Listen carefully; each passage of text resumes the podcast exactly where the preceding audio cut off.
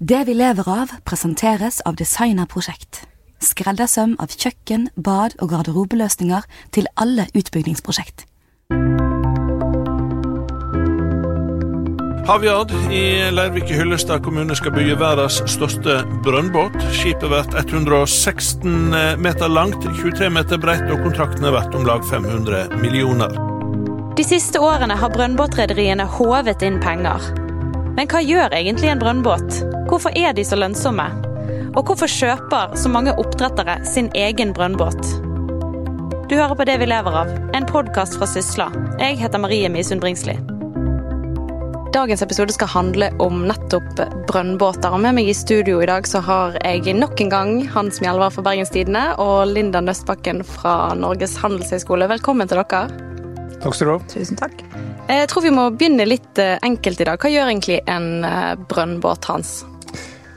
En brønnbåt eh, suger fisk opp fra merdene eh, og frakter den inn til land. Det var iallfall den opprinnelige eh, en av de opprinnelige funksjonene. I tillegg så frakter han også da smolt fra landanlegg og ut i merdene. Og så har de de siste åra også fått ganske stor omfattende oppgave med, å, med avlusing og sykdomsbehandling. Sånn at fiskene blir da eh, behandla enten med varmtvann eller ferskvann om bord i båtene for å bli kvitt lusa. Ja, så, så brønnbåtene har rett og slett fått eh, en del eh, ekstra oppgaver de siste årene, kan man si da? Flere bein å stå på, hvis det går an å si om en båt. Ja, og det går eh, ganske bra med brønnbåtrederiene. Hva kan vi se om eh, det, Linda?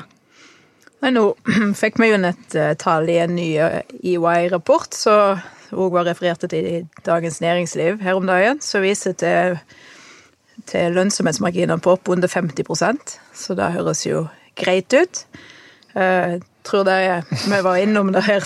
Greit. Det er jo sånn, det er, jo, det er nesten ingen selskap som driver lovlig som har sånne marginer som det der. Nei, Nei, det er veldig bra. Du må drive med våpen og narkotika og sånt. Å... Ja, jeg har ikke kjennskap til marginene der, men det, det, det, er bra. Og så er det kanskje noe med måten og typen lønnsomhetsmål vi ser på, for det er jo dette målet de viser til i denne rapporten, som er referert til i i DN òg, så er jo da EBITDA, som mange sikkert har et godt forhold til. Det er, på norsk da, så er det inntjening før rente, skatt, avskrivinger og nedskrivinger. Og i denne bransjen så er det jo ganske betydelige avskrivinger. Så, og hvis du hadde tatt et annet mål, sånn som så f.eks. avkastning på sysselsatt kapital, så ser vi at det da ligger på rundt 15% så òg er kjempebra. Men da er vi jo mer i et intervall som er som jeg er vant med å, å se. Ja, så disse, måte, denne måten å måle på er kanskje ikke helt uh, riktig for Eller dette begrepet er kanskje ikke helt rett å bruke på brønnbåtene, da? Ja, det er vel rett der òg, men vi må jo alltid se på hva det er som går inn, og hva som ikke går inn, sånn at vi før vi gir oss opp ei veldig sterke mening om hva som ligger i det. Men eh, her så gir det enda mer mening å se på avkastning på sysselsatt kapital eller avkastning på, på investert kapital. Men bare sånn at du skjønner det, Er det fordi at det det er, gans, det er, veldig mye kapital investert i disse båtene, og de skriver det ned fort? Det er det som er greia? Det er mye reinvesteringer hele tida for å holde seg i, i, gang, og mye aktivitet. Så vi så på Nå har jeg en veldig flink eh, nyutdanna masterstudent som har sett på dette, og han viser jo i sin masteroppgave, Simon Selle, jeg må jo kanskje si navnet òg, at vi får, får det ut, så har han, viser han til 12-13 eh, avskrivinger i 2017 og 2018. Og det er jo, det er jo ganske betydelig av den inntekta, da. Så, og hvis vi tar hensyn til det, så får vi jo litt andre av lønnsomhetsmål, da. Men, men det er jo rett at det er 47% hvis du har det målet. Og så kan vi få et annet tall med et annet mål. Så det henger i sammen alt. Men hvorfor går det egentlig så bra med disse brønnbåtene? Kan vi si noe om det? Ja, altså, En viktig grunn er jo at de har fått Eh, denne nye oppgaven med avlusing.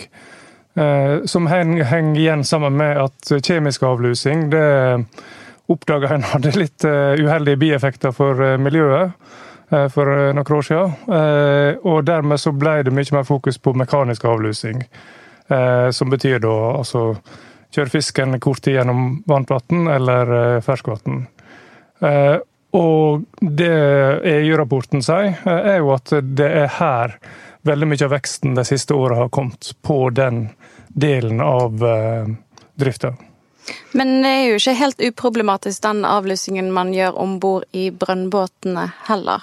Nei, altså det, og det her jeg mener den bransjen det Der er en, en, av risikoene ved denne bransjen, da, uh, er jo det at Mattilsynet kom jo nylig med Det kom nylig forskningsrapporter som gjorde at Mattilsynet konkluderte med at en burde fase ut varmebehandling som lus, eh, avlusingsmetode i løpet av to år. Altså det, er, det ligger videoer ute på, på, nettet der du ser hvordan fisken, eh, når, når vannet kommer over 34, 38 grader, som er ganske vanlig avlusing, så får fisken helt panikk eh, og kan dø i løpet av to minutter.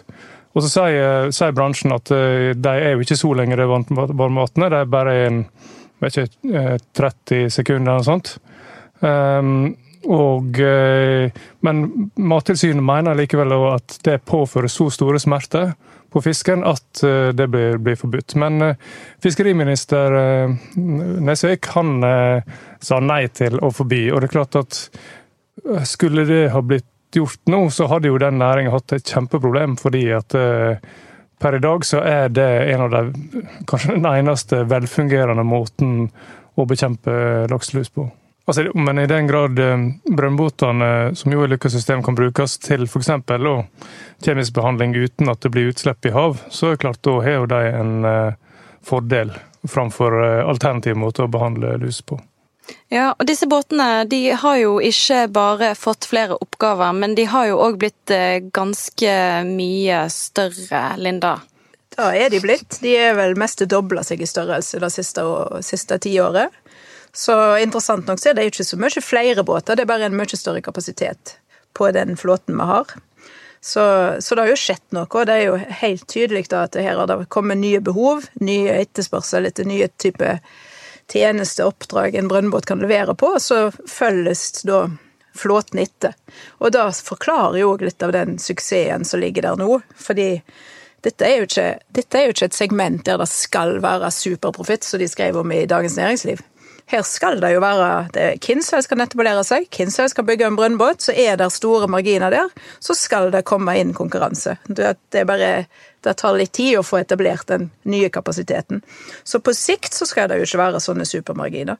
Men da at det har vært det likevel over så mange år, det er jo fordi at det stadig har kommet nye ting som brønnbåtene kan brukes til. Og så blir det et push, og så blir det nye ny likevekt, og push og nye likevekt. Så på en måte så har flåten hele tida jagt en ny likevekt. Og det har gitt gode marginer over, over mange år nå. Og nå en kort melding fra vår annonsør.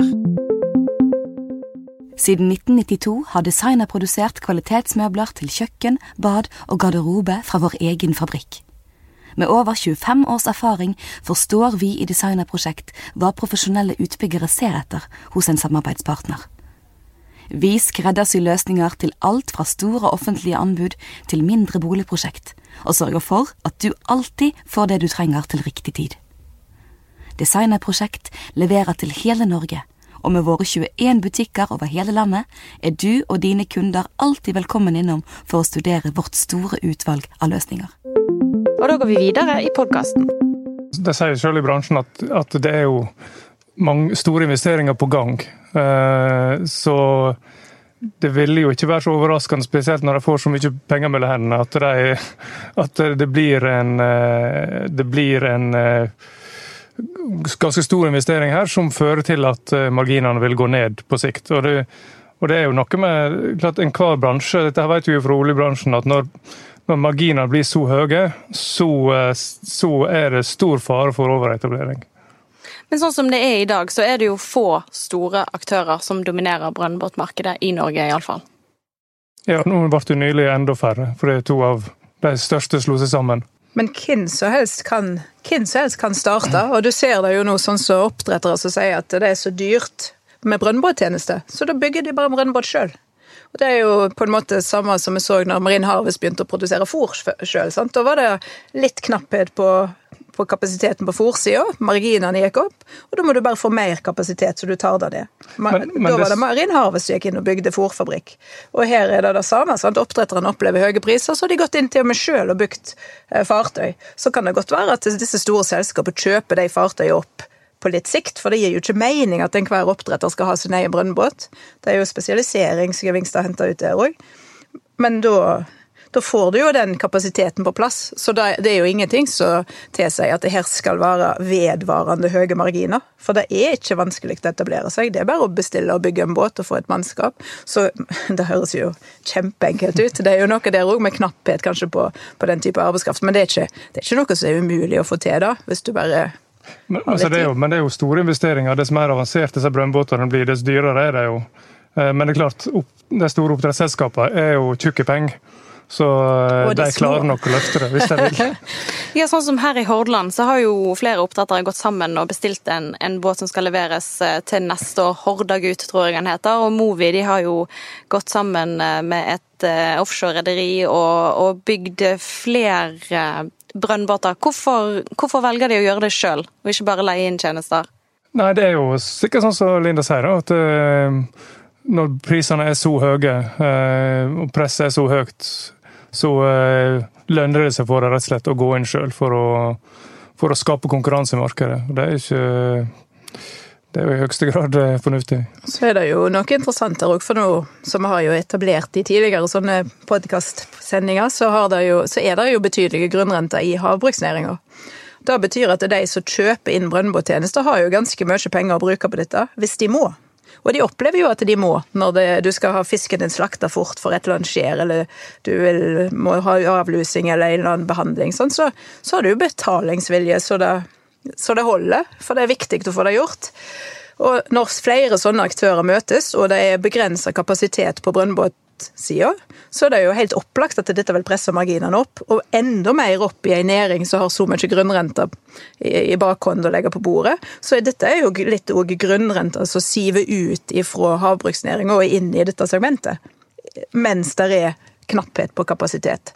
Og så kan det jo være at den tida snart er over. Jeg må jo si, Det har vi jo sagt før. Det har vi jo sagt i mange år, at nå, nå, er vi øyeblikk der i brønnbåt at det, eh, det skal bikke over. Og så har det stadig kommet nye bruksområder for disse brønnbåtene, som har liksom bare pusha det videre og videre og videre. Men altså, fortjenesten i brønnbåt er jo en funksjon av den enorme fortjenesten i oppdrettsnæringa. Eh, og det er jo eh, det er jo interessant. Du hadde jo eh, altså Parallellen til, til oljenæringa med den boomen du hadde i oljeprisen på begynnelsen av 2010-tallet, eh, som førte jo til at eh, det ble jo brukt penger på altså Jeg husker, husker blant annet at det et selskap i Ørsta som egentlig laga kasse til, eh, til, musikere. De slo seg opp på, på, å levere ting til offshore. Så alle heiv seg på, og det var, pengene satt veldig løst. Og så ble det jo et skikkelig smell når oljeprisen gikk ned. Eh, så det er klart, du er jo du er jo sannsynligvis Jeg tipper at vi kanskje i ettertid vil, vil se at oppdrettsnæringa er litt i en sånn syklus nå at pengene sitter veldig løst. Og det ser jo det på Det viser jo også EU-rapporten at det, kapitalkostnadene har gått veldig opp i denne næringa de siste åra. Eh, og kostnadene totalt har jo gått opp altså De siste ti årene har det gått opp fra 15 til 40 kroner kiloen på laks. Og, og mye av det skyldes jo eh, laks, eh, lus og sånt, men eh, du skaper det jo mindre rom for fall. Altså hvis lakseprisen skulle falle igjen, f.eks. for du får økt produksjon i Chile eller, eller redusert etterspørsel, så, så vil jo marginene krympe. her. Men det er en positiv side her er jo Jeg mener jo at uansett hvor løs pengene sitter så, så skal ikke ei leverandørnæring som brønnbåt kunne gå med for høye, altså unormalt høye, type superprofittmarginer over tid. Da skal andre etablere seg og ta opp konkurransen, og da skal det presse ned marginene. Men den tida det er sånn, da, så er jo det òg det er som en airbag da, når du er ute og krasjer med noe. sant? Så krasjer vi, Chile kommer, et, etterspørsel eh, går ned etter laks. Eh, så prisene går ned. Så har jo næringa mer å gå på, fordi leverandørnæringa òg sitter på unormalt høye profittmarginer. Ja, også når brønnbåtnæringa klarer å innovere sånn som de gjør med å bli ta opp i sine nye oppgaver som, som, eh, som, eh, behandling av lus og sånn, så klart da, da skaper de jo en et marked for seg sjøl, som, som, gjør også teknologisk, som, som gjør at eldre brønnbåter ikke nødvendigvis kunne, kan rett og slett brukes til det samme, da, uten ombygging eventuelt. Mm. Uh, så det er jo også med på å holde oppe fortjenesten, iallfall til det lå en eller annen form for sånn teknologisk likevekt. da, når det, som det ikke blir nye ting å finne på. Ja, det var da. Så det er jo spennende å se hva kan en brønnbåt egentlig brukes til. For før eller senere så har du jo tømt ut mulighetsområdet her. Vil du tro, sant. Og da, må det jo stabilisere seg. Hvis ikke det kommer ytterligere vekst på på havbrukssida, at du får produsere mer laks, og etterspørselen vokser av den grunn. Men hvis ikke, så, så klarer ikke jeg å se at dette skal vokse inn i himmelen. For det er, det er grenser for hva du kan bruke en brønnbåt til òg. Men er det da fare for at de går på samme smell som offshorerederiene gjorde, hvis vi kan trekke den parallell? Der, der, sliter jo de fortsatt med enorm gjeld og etterdønninger fra, fra oljekrisen i 2014. Det er jo alltid, det er alltid en fare for det i en sånn næring så der det tar såpass tid ifra du bestemmer deg for at du vil bygge noe, til det er på plass. For det betyr at eh, plutselig så står du og har du har for mange folk bygd, og så har du for store kapasitet, og så, og så hvis det da smedler, så smedler det skikkelig. Så, men samtidig så Det er jo ikke snakk om veldig mange båter her, så jeg vet ikke. Det, de har jo nok å gjøre enda. Men en annen ting som blir interessant å følge med på, er jo sånn, snakk om den teknologiske utviklingen her. Altså En av de tingene vi har snakket om det siste året, har jo vært Norwegian Gannet, sant? den slaktebåten. Um, disse her eh, brønnbåtene nå, de, de, er jo hovedsakelig eh, enten så frakter de bare fisken uten å gjøre noe med den, eller så gjør de i stadig grad, større grad så bløgger de fisken om bord. Uh, og så frakter de den død, uh, men nedkjølt inn til land, og så blir den slakta på land. Eh, mens denne her eh, Norwegian Gannet den representerte jo en potensielt stor utfordring for brønnbåtene ved at han kunne ta laksen eh, om bord i båten, bløgge og slakte og kjøre den direkte til Danmark, der så trailere klar, og kjøre den videre til bearbeiding i Polen osv. Og, og den og den utfordringen altså EU-rapporten sier at, at altså fiskeriministeren, eh, som sjøl hadde bakgrunn fra et brønnbåtrederi, Søltrans, eh, han fikk jo stoppa eh, langt på vei Norwegian Gannet, og i hvert fall gjort, eh, det slik at det, det neppe noen andre som vil prøve seg med det første på det samme. Eh, og EU-rapporten eh, sier jo det at dette her har ikke stoppa utviklinga.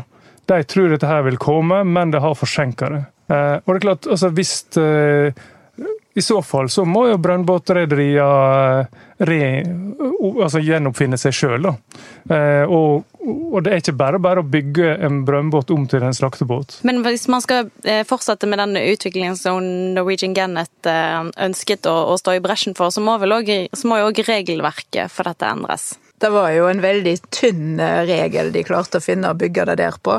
Altså de som stoppet det. Dette med at du skulle ikke eksportere produksjonsfisk. Var ikke den som tok det? Ja, nå har de jo presisert uh, regelverket. Sånn at det skal ikke være noen tvil om at uh, dette ikke er lov.